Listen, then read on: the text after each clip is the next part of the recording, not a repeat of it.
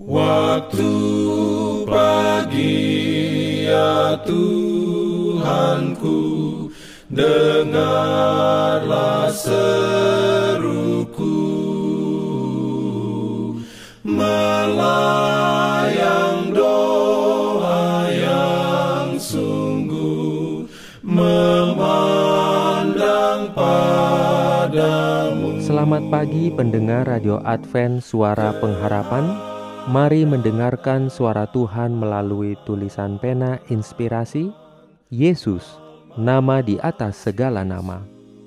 Renungan harian 1 Februari 2024 dengan judul Pemimpin Misionaris.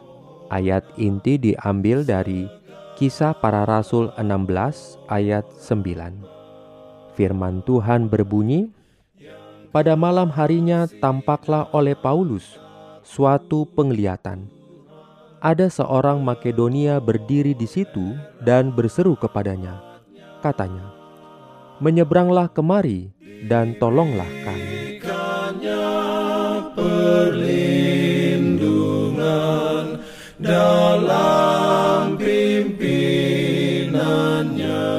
Urayanya sebagai berikut. Allah memohon usaha pribadi dari mereka yang mengetahui kebenaran. Ia mengundang keluarga-keluarga Kristen untuk pergi kepada orang-orang yang berada dalam kegelapan dan kesalahan, pergi ke ladang asing untuk berkenalan dengan masyarakat baru, dan bekerja dengan bijaksana dan tabah bagi pekerjaan Tuhan. Untuk menjawab panggilan ini, pengorbanan diri harus dialami. Sementara banyak anggota menunggu agar rintangan-rintangan itu ditiadakan dulu, jiwa-jiwa sedang binasa tanpa pengharapan dan tanpa Allah di dalam dunia. Banyak, sangat banyak orang untuk urusan-urusan duniawi, untuk ilmu pengetahuan, berani pergi ke daerah-daerah yang berbahaya pergi ke negeri di mana mereka pikir mereka akan mendapat keuntungan duniawi. Tetapi, di manakah pria dan wanita yang berpindah tempat tinggal dan memboyong keluarga mereka ke daerah-daerah yang memerlukan terang kebenaran, agar teladan mereka dapat berbicara kepada orang-orang bahwa mereka wakil-wakil Kristus?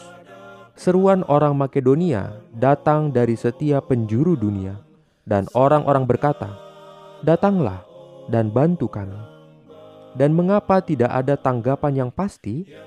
Ribuan orang harus didorong oleh Roh Kristus untuk mengikuti teladan Dia yang telah memberikan nyawanya untuk kehidupan dunia. Mengapa menolak untuk mengambil keputusan, upaya penyangkalan diri untuk mengajar mereka yang tidak mengetahui kebenaran untuk saat ini?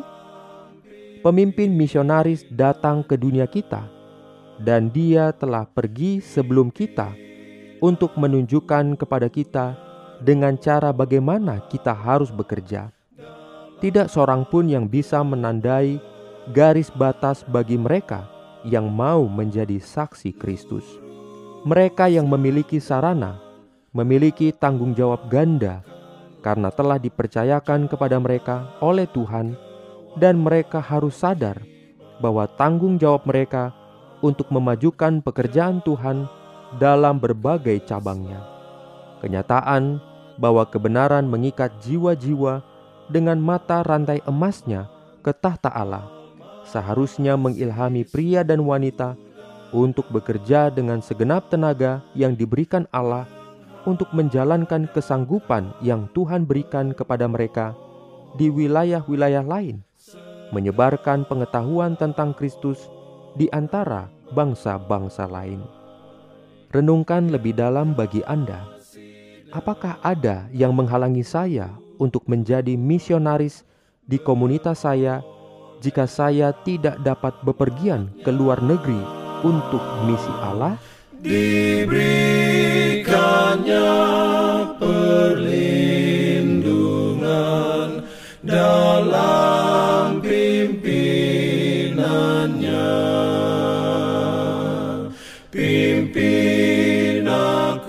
Jangan lupa untuk melanjutkan bacaan Alkitab sedunia.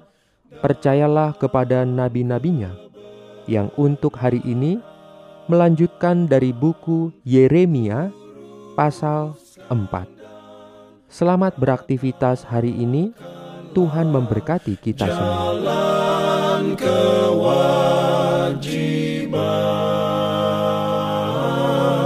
Jalan.